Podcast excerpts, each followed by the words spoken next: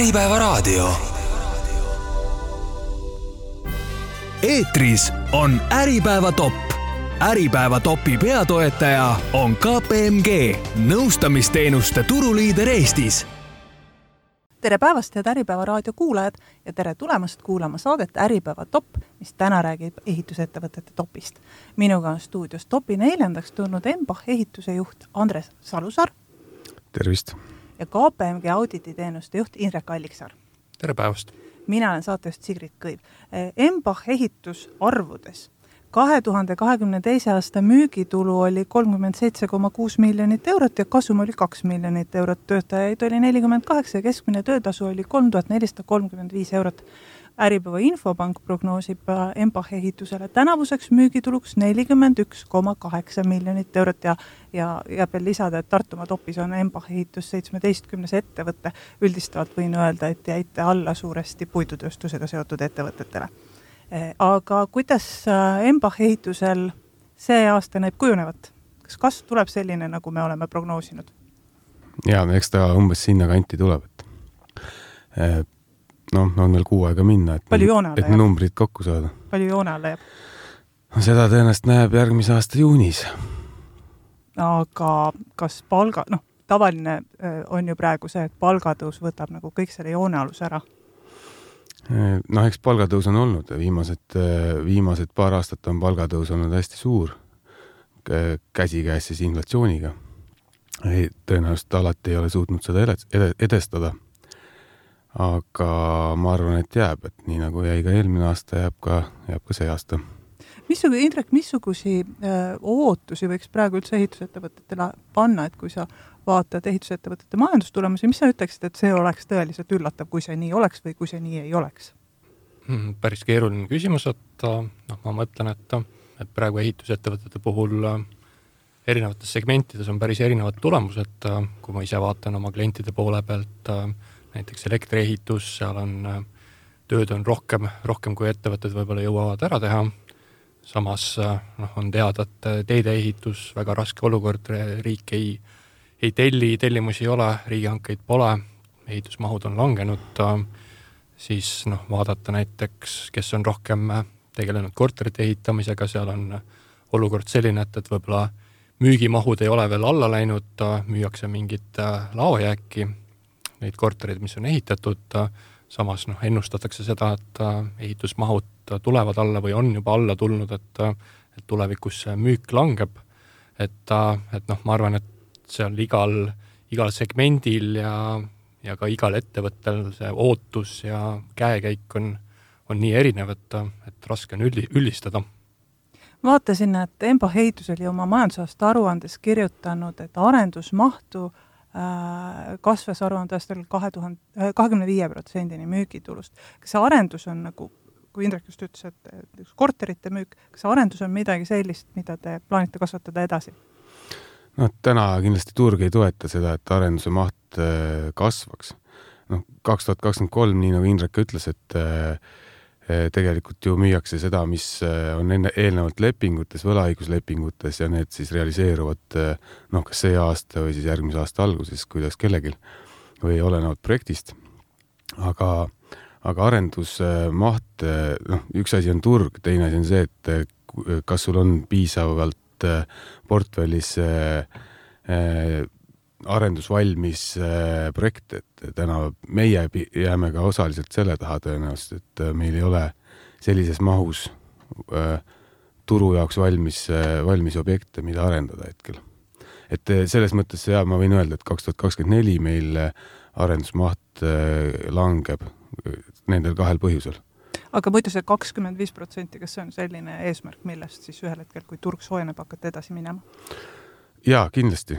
Et see on üks meie, üks meie valdkondi, millega me paralleelselt ehitusteenuse pakkumisega tahame tegeleda ja, ja teha seda tõenäoliselt natukene suuremas mahus, kui turg võimaldab ja teha seda hästi kaua peaks ootama sellega, et korterite müük näiteks peaks hakkama kasvama, oleks ju hea oma korteritega platsis olla juba siis, kui turg on kasvamas. kaua võiks edasi lükata selliseid plaane, mis praegu on hästi läinud? Noh, see, see on, kuidas, kuidas nagu arvutada või mõelda selle küsimuse peale, et noh, tegelikult, et et kui, kui, kui nagu mõelda niipidi, et, et minu teada ehitushinnad ei lange enam, et ehitushinnad pigem vast hakkavad üles kerima, et noh, inflatsioon justkui ta ei kao ära, et, et ta jääb ikkagi noh, ei paista, et, et ta langeks nagu sinnamaani, et, et kus see võib-olla ootus on, et mõne protsendi piiridesse, et siis noh, tegelikult see, kes tahab osta, et kellel, kellel on vahendeid ja kes saab pangast laenu, et noh, tal ei ole nagu väga põhjust äh, edasi lükata neid otsuseid, et aga teisest küljest on kuidagi nagu see üldine keskkond, see, millest räägitakse igal pool, et et olukord on halb ja läheb võib-olla veel halvemaks, et et see tekitab mingi sellise psühholoogilise ootuse, et et ma ootan, võib-olla ma saan selle poole hinnaga või noh, ilmselt mitte poole hinnaga, et aga äkki ma saan kümme protsenti või kakskümmend protsenti odavamalt, siis ongi nagu selline see nagu mingi matemaatika seal taga, et, et kas, kas saab üldse odavamaks minna, et kui ehitatakse midagi uut, muud, teistpidi see psühholoogiline pool, et, et see usk, et, et tuleb mingisugune soodusmüük või allahindlus samas olukorras, et, et kus need korterite laojäägid minu arust ei ole nii kõrged, et, et sealt saaks mingisugune suur soodusmüük tulla, et et siis noh, ma arvan, et, et erinevad mõtted seal inimeste peades võitlevad ja ja kuhu poole inimesed jooksma hakkavad, et ma ei oska küll öelda, et et seda võib põhjustada või, või selle võib ära määratleda ilm või lihtsalt uudised või ma ei tea, mis asi, et, et see on jah, väga, väga keeruline midagi ennustada. Andres, eelmine aasta ma rääkisin ühe teise ehitusettevõtjaga siinsamas saates ja tema ütles mulle umbes niimoodi, et ma peast tsiteerin, et noh, näed, et räägime siin tund aega juttu, aga ma olen juba meili peale saanud kaks teadet materjalide hinnatõusust. kuidas praegu on, kuidas need ehitusmaterjalide hinnad praegu käituvad? materjalide hinnad äh, täna niimoodi ei tõuse, nagu nad siin maruliselt tõusid äh, eelmise aasta alguse poole, et, et äh, see aeg on möödas. Kindlasti on, noh, ei saa nagu ühist seisukohta nagu kõigi materjaligruppide kohta võtta, aga, aga üldine tendents on pigem nagu kerge langus või paigalseis. aga töötasud? töötasudega on niimoodi, et ega noh, ma arvan, et nad täna ei lange, et oluliselt kindlasti mitte, et ma ei näe seda kohta. Äh, inflatsioon on tegelikult äh, see suur ja inflatsioon, milles Eesti siin sai, millega Eesti sai pihta siin viimased, viimasel kahel aastal, siis see tegelikult hakkab mööduma. ma loodan, et varsti tuleb ka see aeg, kus äh, kus äh, intresse hakatakse mingil määral alandama, see noh, ükskõik kui palju see siis on, et teda alandatakse, siis see annab ikkagi turule mingisuguse signaali, et äh, olukord on muutumas ja sealt äh, tekib inimestel ka kindlust tõenäoliselt juurde teha mingisuguseid otsuseid investeerimiseks. aga, aga palga mõttes ma arvan, et, et kindlasti palgakasv jätkub, mitte sellises mahus nagu eelmised aastad, aga ma ei näe, et, et inimeste palk nüüd kuidagi väheneks või, või paigal seisaks. Paigal seisaks, jah, valitsus vajab siin mitmeid maksuplaane, et küll automaks, küll käibemaksu tõus, kas siin polnud mitte ka mingisugused ehitusmaterjalide jäätmekäitluse mingid tasud, kui ma nüüd hakkan meenutama, ühesõnaga tundub, et nagu maksuplaane on palju ja see ju kõik ometi tõstab kulubaasi nii töötajatel kui teil. Jaa, kindlasti erinevad maksumuudatused tõstavad kulubaasi ja täna, täna on seda näha, et ükski, ma pole kuulnud ühestki plaanist ühtegi maksu vähendada. See on küll tõsi. Äh, aga teie plaanidest veel, vaatasin, et teil tuli kogu müügitulu Eestist, kas te laienemist ei plaani kuskil mujal ehitada, Lätis näiteks? ei plaani, et seda ma nimetaksin pigem nagu avantüüriks, et kui seda noh, see on hästi lihtne viis äh, viis nagu raha kaotada. see nagu ei tähenda, et, et seda ei võiks teha, aga siis noh, teine võrdlus võiks olla iduettevõttesse investeerimisega, et sa, sa pead arvestama mingisuguse rahaga, et kui sa oled valmis selle raha nagu kaotama, noh, siis sa võid seda teha. et, et ehitus on ikkagi nii eh, asukohapõhine äri, et eh, no kui sa laiened, siis see, see laienemine tähendab tegelikult seda, et sa pead looma sinna sellesse teise riiki, sa pead looma ettevõtte, mis on tegelikult selle, nii-öelda selle riigi ettevõte. et sa ei saa niimoodi, et sa juhid seda kuskilt siit Eestist, et seda ettevõtet, et see, selle, sellest kindlasti ei tule välja, seda, seda on ka noh, selle, selle, selle, selle, selleks on olemas äh, täna juba näited, et see, see ei toimi.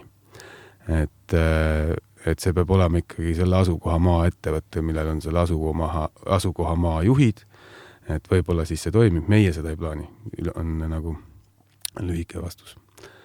räägime sellest ehitusturu praegusest olukorrast ka, vaatasin eelmi-, vaatasin kolmanda kvartali koondandmeid ja ma näen, et ehitusturul on aastane koondkäive kahanenud siin äh, möödunud aastaga võrreldes kaks koma kaheksa protsenti, no peaaegu kolm protsenti on, on turg kahanenud koondkäivete järgi vaadates, töötajate arv on noh, suhteliselt sama, pool protsenti kahanemist. kuidas see ehitusturul praegu olla on, kas seal on ka nagu jahe ja ebameeldiv? Õnneks äh, siin ruumis on hetkel suve, aga ja, ja õues on küll jahe, aga ehitusturg äh, kindlasti jaheneb äh, praegu, et me olemegi, ma arvan, selles situatsioonis, kus kus me kuuleme võib-olla muust majandusest signaali, et, et võib-olla enam nii hull ei ole siis äh, ehitus äh,, noh, ma arvan, kõik teavad, käib pigem nagu muule majandusele äh,, muu majanduse järgi, on ju, et väikese viitega. on see siis viide aasta, pool aastat, seda me kunagi ei tea, see, see oleneb ju muu majanduse taastumise kiirusest, on ju. et äh, aga kindlasti on jahedam kui, äh, kui mõni aeg tagasi, jah üks logistikajuht kirjutas mulle kommentaaris äh, eile, et et tema arvab, et nagu pisut meeldivamaks läheb ka olek ja olukord järgmise aasta teisest kvartalist, millal no, siis ehitusturg võiks järele jõuda? nagu ma mainisin, et eh, ehitusturg eh, käib, käib muu majanduse, muu majanduse järgi ja, ja see, ja see viide on pikem, et ma ei oska seda prognoosida viimased aastad on üldse igasuguse prognoosimise tahte ära võtnud, et. Indrek Alliksaar võtab KPMG tarokaardid lauale ja ütleb, kuidas on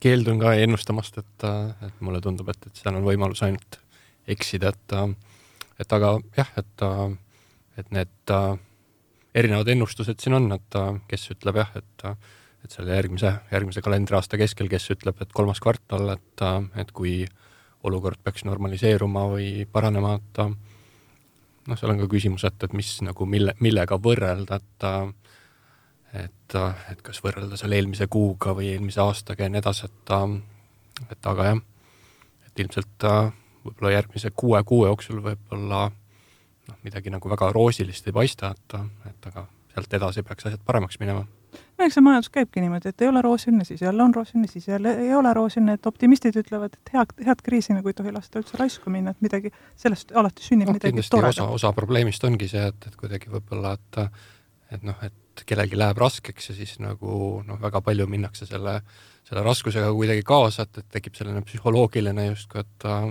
noh, alguses nagu ei tundugi midagi rasket, aga siis, et kui kõik räägivad sellest, et on raske, et siis mõtled ise ka, et järe, järelikult peab raske olema ja me muidugi ei tohi ära unustada seda, et eh, igas kriisis on võimalused ja noh, küsimus on muidugi täna ka see, et kas on üldse veel kriis, et eh, ma nimetaksin seda pigem ikkagi täna majanduslanguseks, et et eh, kergeks languseks, et ei ole veel kriisi õnneks. ma no ei näe ka ehituskriisi. eks me raadios kipume ütlema kriis. ja, ja, ja, aga ma ütlen, et, et igaüks peaks nägema selles ka võimalusi, et igas kriisis on omad võimalused, igas languses on omad võimalused. milliseid võimalusi teie näete? kas see on, noh, on see näiteks teinud töötajate värbamist kuidagi lihtsamaks? On see, kasutate te seda näiteks tööde mahu vähenemist mingite tehnoloogiliste uuenduste juurutamiseks, et mis see on, kuidas te mõtlete, et seda võiks ära kasutada? ma arvan, et eks need kõik, kõik võimalused ei ole täna avaldunud, me lihtsalt, ma arvan, kõige tähtsam on leida need selles ajahetkes, kui nad tekivad. tööjõust rääkides, siis meil ei ole viimased aastad olnud üldse väga keeruline tööjõudu leida, ma, ma usun, et meil on lihtsalt, on ettevõte piisavalt tuntud, inimesed tahavad meil, meie juures tõenäoliselt töötada. aga ma näen küll jah, et, et viimases, viimase poole aasta jooksul on, on see valik läinud veel suuremaks, ütleme siis nii. kas see võib olla tegemist ka koha, noh, kohaga, et valdavalt tege-, töötate Tartus, ma saan aru? tegelikult mitte vald Tartus, vaid valdavalt Lõuna-Eesti, ma ütleks, mitte Tartu. et siis äkki ongi lihtsam seal tööjõudu leida või? seda ma ei ütleks, ma arvan noh, üks aspekt on see, et, et mida mina kuulen ettevõtetes, et et kui varem oli väga keeruline leida selliseid äh, tippspetsialiste või noh, oma, oma ala oskajaid, et, et siis selles vallas on kindlasti praegu kergemaks läinud. noh, raske öelda, et, et kuidas võib-olla selle kõige lihtsama tööga, et aga jah, et, et mingitel hetkedel oli siin noh, selline väga, väga hea spetsialisti värbamine oli suhteliselt võima-, võimatu. Et äh, kas või nagu personaliotsingu firmade ka kaasamine ja kõik, kõikvõimalikud abinõud lihtsalt ei andnud tulemust, et, et siis praegu see olukord on muutunud. värbamiseks on kindlasti hea aeg ehitus on muidugi selles suhtes noh, natukene eripärane valdkond, et siin on alati, on need peatöövõtjad ja on alltöövõtjad ja ja vaadates majandustulemusi, mulle tundub, et noh, peatöövõtjad on alati nagu rohkem kaitstud igasuguste muutuste ja ja kriiside ja languste eest kui alltöövõtjad, kuidas alltöövõtjatel läheb praegu? kindlasti peate partnereid ju silmas? jaa, ei muidugi, nemad on need, kellega me koostööd teeme aga ma arvan, et ega neil läheb täpselt sama hästi, kui läheb äh, meil, sest me oleme nende põhilised partnerid, et ei saa minna üldjuhul nagu väga palju halvemini ja väga palju paremini. meie igal juhul oma partnereid hoiame ja need, kes äh, on meile heaks partneriks, oma lubadusi täidavad, siis kas partnerite valik on ka suurenenud, nagu töötajate valik? kindlasti on, jaa, on valik suurenenud, et see näitab tegelikult seda, et tööd on vähem. Äh, kuidas, kuidas see, ütleme siis langus võiks mõjutada seda ehitusturu konkurentsi nagu üldiselt, et kas võiks siin olla tulemas näiteks mingeid turult lahkumisi või ühinemisi või mingeid muid konsolideerumisi? noh, üks asi, mis ma nende all, alltöövõtjate koha pealt tahtsin mainida, et et tegelikult seal mitmed ettevõtted seal väikse, väiksemate ettevõtete segmendis on noh, sellised, et kellel see rasvakiht ei ole väga paks, et, et kui nende aruanded vaadata, omakapitali ei ole just liiga palju, et ta noh, et seal ei saa olla niimoodi, et, et peatöövõtja lükkab väga palju riske või väga palju probleeme sinna allapoole, sest seal ei ole lihtsalt seda võimekust seda, neid riske ära hallata või, või kah-, kahjumeid katta, et et seal peab ikkagi jah, ettevaatlik olema, et et väga-väga lihtsalt võib väiksemate ette, ettevõtete hulgas just ka pankrotte või maksejõuetust ette tulla. kindlasti, noh, seal on Äh, see on noh, see sama asi, et tegelikult sa pead partnerit valima ka raskel ajal. et äh, jah, sul võib valik olla suurem, aga sa pead ikkagi kriitiliselt vaatama, kellega sa nagu koostööd teed. et, äh, et see töö saaks lõpuks ka tehtud. aga ühinemisi on oodata nüüd lähiajal ehitusettevõtete hulgas? no see ühinemine, ühinemised ja pankrotid, et minu kogemus ütleb noh, ka võttes tagasi varasemaid kriise, siis ega see nagu väga palju korrektuure pole toonud et noh, kindlasti mõningad liikumised turul on, aga, aga midagi suurt äh, siiani pole küll nende, nende tulemustel juhtunud, et ja lõpuks inimesed, kes toimetavad, jäävad ju samaks, et et kui mõni ettevõte kaob, siis, siis õnneks või kahjuks äh, tekib nende inimeste baasil jälle uus. jah, need inimesed elu. ei lähe IT-sse tööle. ja nii on. eks see on jah, ma mõtlen ka, et, et kui, kui jah, üks ettevõte nii-öelda ära kustub või hääbub, et ta äh, noh, kui, kui tõenäoline on, et, et nagu kaks sama suurt ettevõtet kuidagi edukalt kokku lähevad, et seal on noh, üks asi on, et, et võib nagu seal matemaatiliselt öelda, et see oleks kasulik, et aga noh, teine pool on see ettevõtete kultuuride kokkuliitmine ja ma arvan, et see ei ole väga lihtne, et tegelikult on, on jah, lihtsam just see variant, et äh, alustatakse kusagil mingi teise keha all uuesti ja noh, pigem, pigem liigutakse niipidi edasi üks töö, mida te kirjeldasite oma majandusaasta aruandes, oli Tartu Maarja kiriku torni rekonstrueerimine ehm, oluliste tööde hulgas. et kas sellised tööd on kuidagi teistsugused või, või huvitavamad võrreldes noh, näiteks mingi tootmisäri eluhoone ehitamisega? Mm, nad on kindlasti omapärased ja, ja, ja, ja teistmoodi, aga nad ei, aga samamoodi võib ka olla mõne ärihoone või äh, või tootmishoone hulgas selliseid, mis on, mis pakuvad väga suurt väljakutset. kas noh, toon näiteks näite, kui, kui sa pead tööstushoonet ehitama, tootmishoonet ehitama olemasolevat, hetkel, kui olemasolev tootmine käib, on ju, tegema seal samas hoones siis mingisuguseid ühendusi või, või mida iganes, tegema seda näiteks mingisuguses väga väikses ajaaknas, mis sulle ainult antakse, on ju et äh, neid väljakutseid, ma arvan, on erinevatel objektidel, kindlasti on äh, kirikutorn märgiline objekt, sellega ma olen täitsa nõus, seda ei teha iga päev, aga ma ei saa öelda, et ta on keerulisem või huvitavam, et, äh, et huvitavaid objekte on igas valdkonnas. mööda sõidad Tartus mööda või noh, Lõuna-Eestis mööda linnu ja vaatate mõnda objekti, mõtled, oh, see oli üks ilus töö, on selline objekt olemas? kindlasti on neid. ja öelge mõni. no üldiselt on ikka nii, et, et meeles on äh, alati need viimased. et noh, Maarja kiriku torn kindlasti on äh,, kindlasti meie inimeste äh, osavõtul on kunagi valminud Pauluse kirik Tartus. just äsja lõpetasime äh, Tartu Ülikooli kliinikumi, mis oli siin tegelikult paari aasta lõikes üks suurimaid objekte Eestis. et äh, äärmiselt keeruline, et väga-väga väga hästi sai meeskond hakkama. kas on täheldatav ka praegu mingid trendid ehitusturul, mida te ehitusettevõtjana näete? on need siis tingitud mingist, ma ei tea, roheteemadest, maailmamoest, majanduslangusest, on, on, kas te näete praegu midagi, et noh, kliendid praegu on nagu näiteks teistsugused kuidagi, ootavad mingeid teistsuguseid asju? no kindlasti see, need roheteemad, seda võib nimetada trendiks. et ja, ja, ja kliendid on alati erinevad, klientide äh, klientide projektid on erinevad, et äh, on objekte, kus katsetatakse tõesti roheteemadega äh, rohkem või vähem. Äh, klientide ootus kindlasti täna on, on see, et sa suudad pakkuda võimalikult täielikku teenust. noh, ütleme mõnikord siis alates projekteerimisest, alates planeerimisest, et noh, see on alati erinev. aga see on üks ootus võib-olla, mis on tulnud siin viimaste aastatega juurde lisaks nagu nüüd siis need roheteemad. aga kliendid hinnatundlikumaks ei ole läinud? kindlasti on, et kõigi Excel on, ma arvan, suhteliselt ühesugune, et kui sa teed äriplaani. aga meie läheme siit väikesele pausile tere tulemast tagasi kuulama saadet Äripäeva top, mina olen Sigrid Kõiv. minuga on siin stuudios Embach ehituse eh, juht Andres Salusaar ja KPMG audititeenuste juht Indrek Alliksaar ja me räägime täna ehitusettevõtete topist. enne pausi jäime pidama sinna, et kas, kas tellija on ka hinnatundlikuks muutunud ja Andres ütles, et on küll. kas oli nii? oli nii ega ju ometigi maja pole auto, et hea küll, ma viis aastat ajan läbi mingisuguse vanema rondiga ja siis ostan niisuguse tõeliselt šefimasina. kui palju tegelikult saab ehitushinna puhul üldse minna nagu väga tundlikuks, ma vaatan just Indrekule otsa. palju sa ikka kokku hoiad?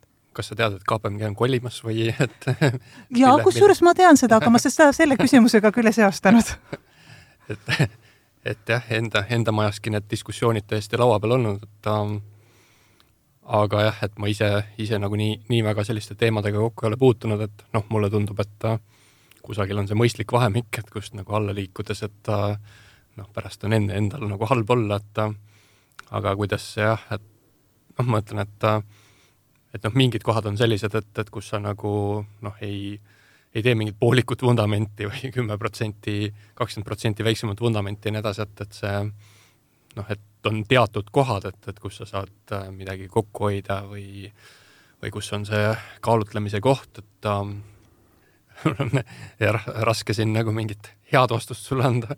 Andres, kas on mingisugune protsentide vahemik, kus on kaalutlemiskoht?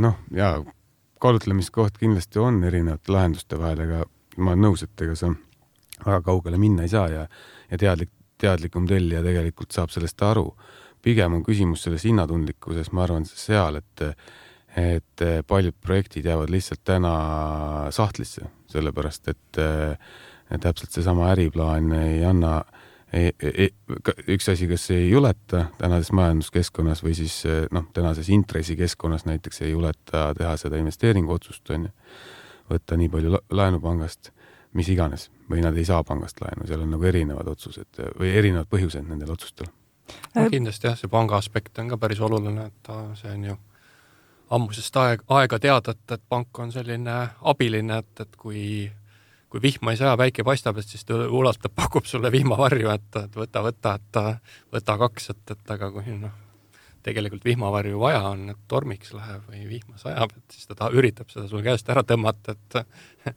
et tegelikult on jah, selline naljakas asi, et, et kui seda laenu võib-olla rohkem vaja võiks olla, et siis antakse seda palju, palju rohkem kaalutledes ja nurisedes äh, kui, kui Andres ehitusettevõtjana vaadata nagu erinevaid linnu Eestis või erinevaid piirkondi Eestis, Tallinn, Tartu, Võru, Valga, Pärnu, kas need ehitusturud on ka erinevad või ehitusettevõtjana võib öelda, et Eesti ongi üks küla, mis ehitab täitsa ühtemoodi? Mhm, päris nii ta ei ole, noh, ütleme, kui me vaatame ehitushinda, siis ega see nagu väga suurelt ei erine. Et äh, ei, noh, Tartu-Tallinn, seal ei ole ehitushinna vahet, ma arvan Äh, pigem see võib mingis ajas sõltuda või, või, või hoonest sõltuda. aga kindlasti noh, Tallinnas on rohkem raha ja siin tõenäoliselt tehakse selliseid ehitisi, äh, mis on võib-olla natuke innovaatilisemad kui, kui teistes piirkondades. noh, Tallinn-Tartu on need tõenäoliselt äh, sellised keskused, kus, kus muust Eestist võib-olla noh, ollakse üks pisikene samm eespool. kas see, kas see majanduslangus võiks ka mingisuguseid tehnoloogilisi uuendusi tuua turule ehituses? ma ei oska öelda, kas just see majanduslangus toob, et äh, seda, seda näitab aeg, ma ei oska öelda kuidas on üldse ehitusettevõtete uuendusmeelsusega on, et kui avatud nad on uuele tehnoloog-, uutele tehnoloogiatele, kui palju seal on üldse võimalik sellel turul nagu katsetada, sest no katsetustel on hind, mida klient maksta ei taha? no ma arvan, et noh, üks küsimus on ka see kliendi, kliendi ootus või mida klient osta tahab. et tegelikult ju mingite moodulite ja tehases valmis tehtud lahenduste kasutamine peaks seda hinda alla tooma ja kliendile asju soodsamaks tegema. et kuivõrd see klient, klient sellist lahendust tahab, et, et kui palju ta tahab mingit rätsep, rätsepatööd ja kui palju tahab sellist standardlahendusi noh, ma arvan, et, et see hinnatundlikkus ja et raha vähem on, et, et see tegelikult sunnib äh, arutlema nende efektiivsete lahenduste üle ja, ja ma arvan, ka ehitajad peavad siis neid efektiivsemaid lahendusi pakkuma. ja olemegi sujuvalt jõudnud rohetemaatikani selle sektori juures. Embah ehitus, kui roheline ettevõte see on? me kindlasti mõtleme nendele teemadele ja noh, ma, ma arvan, et äh, päris paljud on juba kuulnud sellist, äh, sellist kolme tähe kombinatsiooni nagu ESG on ju. et äh, me, me olles ka Nordeconi tütarettevõte, siis noh, oleme, oleme börsiettevõtte tütarettevõte, kes on juba kohustatud nende asjadega tegelema e, enne, enne, enne teisi ettevõtteid. aga aga täna see muutub ka tellijate jaoks tegelikult tähtsamaks. et noh, riik on siin, riik on siin esimene, kes seda veab. me peame nendele, nendele teemadele mõtlema. taaskasutus, jäätmekäitlus, need, need muutuvad järjest tähtsamaks, jah. Palju seda üldse tellijale peab selgitama, seda ESG temaatikat näiteks no,? või täna... tuleb tellija ja oskab juba ise küsida mm,? ütleme, täna see on, täna, täna see ESG ei ole jõudnud nii väga tellijateni, et jah, riik siin, riik siin mõnevõrra seda veab, aga see on ikkagi väga uudne teema. kuidas Indrek, kuidas see on võimalik, et sellest räägitakse juba aastaid ja ikka veel ei, on see üsna uudne teema, mida veab riik? noh, ilmselt neid jooksvaid muresid on äh, ettevõtjatel, inimestel nii palju, et et see ei ole lihtsalt äh, prioriteet täna aga noh, seal ongi vaja mingit sellist meeldetuletamist ja võib-olla mõtlema panemist. ma ise siin alles eelnevatel nädalatel äh, küsisin konsultatsiooni kinnisvarabüroost mingite korterihindade kohta ja ja siis ka tuletati seal meelde, et, et noh, vaata, et et siin see kortermaja, et, et vaata energiaklassi, viie aasta pärast võib-olla sellist korterit äh, on keeruline näiteks laenuga müüa, pank ei tahagi talle finantseerimist anda või annab oluliselt kallima finantseerimise, sellepärast et noh, et, et see lihtsalt ei vasta, vasta mingitele nõuetele või see ei ole nagu nii-öelda rohe, roheline korter või elamu. Ja noh, tihti ju jooksvalt ei, ei mõtle selliste teemade peale ja noh, sama, samamoodi ma arvan ettevõtjate poole peal, et keegi, keegi peab aeg-ajalt neid asju meelde tuletama ja siis võib-olla võetakse rohkem fookusesse. mõned poliitikud on seda rohepööret ka poliitiliseks utoopiaks nimetanud, kuidas te seda kommenteerite? see vist oli Juhan Parts, jah. jah, Juhan Parts on seda ka öelnud. et äh, ma ise arvan, see on puhtalt minu isiklik arvamus, aga, aga ma arvan, et see ei ole äh, utoopia, pigem me peame mõtlema, et mis asi on rohepööre. ja ma arvan, et paljud äh, defineerivad seda enda jaoks erinevalt. Et kui me võtame, kui me võtame võib-olla selle süsinik, süsiniku poole, et noh, siis tõesti mõni vulkaan võib pursata ja, ja see süsinik, mis, mis sealt välja paiskub, on suurem võib-olla, kui me siin inimestena suudame seda aasta jooksul või poole aasta jooksul toota, onju.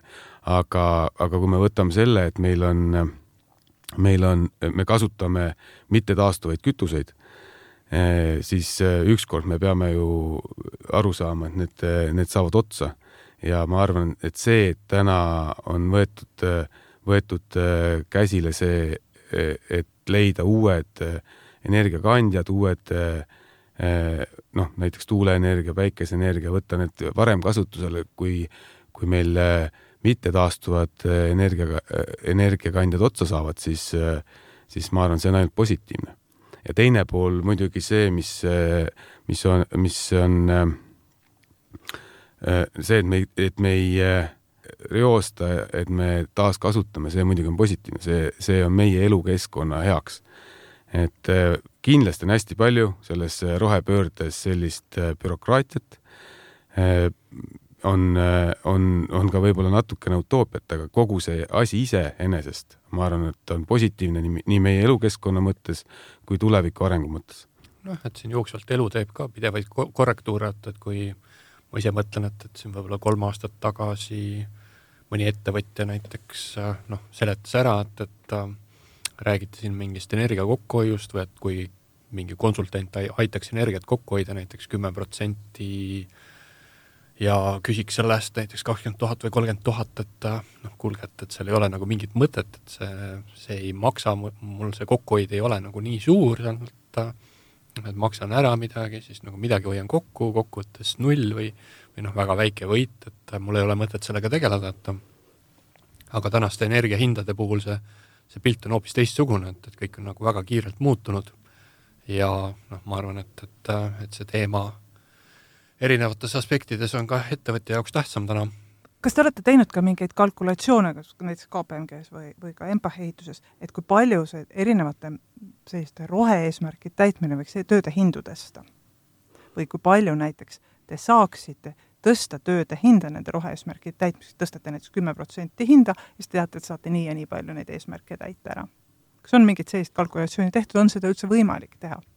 KPMG-s ei, ei ole kahjuks midagi sellist tehtud, et no ma arvaks küll, et finantsjuhid kõikides ettevõtetes on natukene mudinud andmeid ja vaadanud, mis võiks tulla, kui üks, teine, kolmas nõue peaks rakenduma. Tegelikult ju need eh, nii-öelda rohepöördest või siis sellest keskkonna äh, säästmisest või energia säästmisest äh, tulenevaid nõudeid on äh, rakendatud siin viimastel aastatel ju järjest ja noh, me, meil on väga raske välja arvutada, mis see nagu noh, kogumahus on siis, kui okay. palju keskmiselt ehitushinda tõstnud. okei okay, nagu, aga ma küsin teistmoodi, kas, kas on näiteks mingeid selliseid ehitus, ehitisi, mida te juba teate, et kui see Äh, kui, kui need, kui see rohepööre lõpuks rakendub, et siis te teate, et selliseid maju enam ei ehitata? ei no kindlasti täna on ju, nagu ma mainisin, et täna tegelikult need äh, nõuded on ju olemas. Äh, noh, kas nad karmistuvad, ma ei oska öelda, et kui nad karmistuvad, siis kindlasti jälle need reeg-, need mängureeglid muutuvad. aga noh, tänaste reeglite kohaselt kindlasti noh, see on juba selge, et me ei ehita enam selliseid maju, nagu me ehitasime näiteks kümme või viisteist aastat tagasi, et see, see nii ongi et need nõuded on järjest karmistunud. Kas see näiteks võiks mõjutada materjali valikut või kui näiteks taristuehituses juba praegu päris palju materjale taaskasutatakse, näiteks täitematerjalid on vist taaskasutatud materjalid, eks ole, kas hoone ehituses ka sellist taaskasutust tehakse? olgu nii odavuse kui ka, kui ka rohelisuse pärast.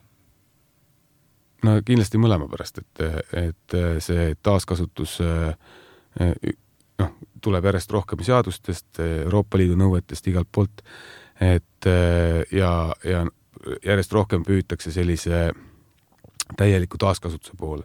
no üks hea näide on puit, et, et ka riik suunab selle poole, et kõik ehituses kasutatud ülejääv või, või ülejääv puit, et noh, sellele leitakse taaskasutus, kas siis selles samas ehitises või kuskil mujal on ju. noh, üks näide. kui palju see taaskasutus näiteks võiks ehitussektorisse töökohti juurde luua? On, on, kas EMPAH ehituses on taaskasutusspetsialist? ei ole. aga peaks olema? hetkel veel mitte palju sellised, noh, tegelikult on ju rohepööre väga suur, noh praktiliselt ma olen isegi kuulnud ettevõtjaid nimetamas seda roherevolutsiooniks, et tegelikult see ju alati toob ka kaasa mingid hinnatõusud, mingisugused äh, lisatöökohad te, teistsugused spetsialistid, keda me täna nagu väga ei oska isegi et, võib-olla ette kujutada.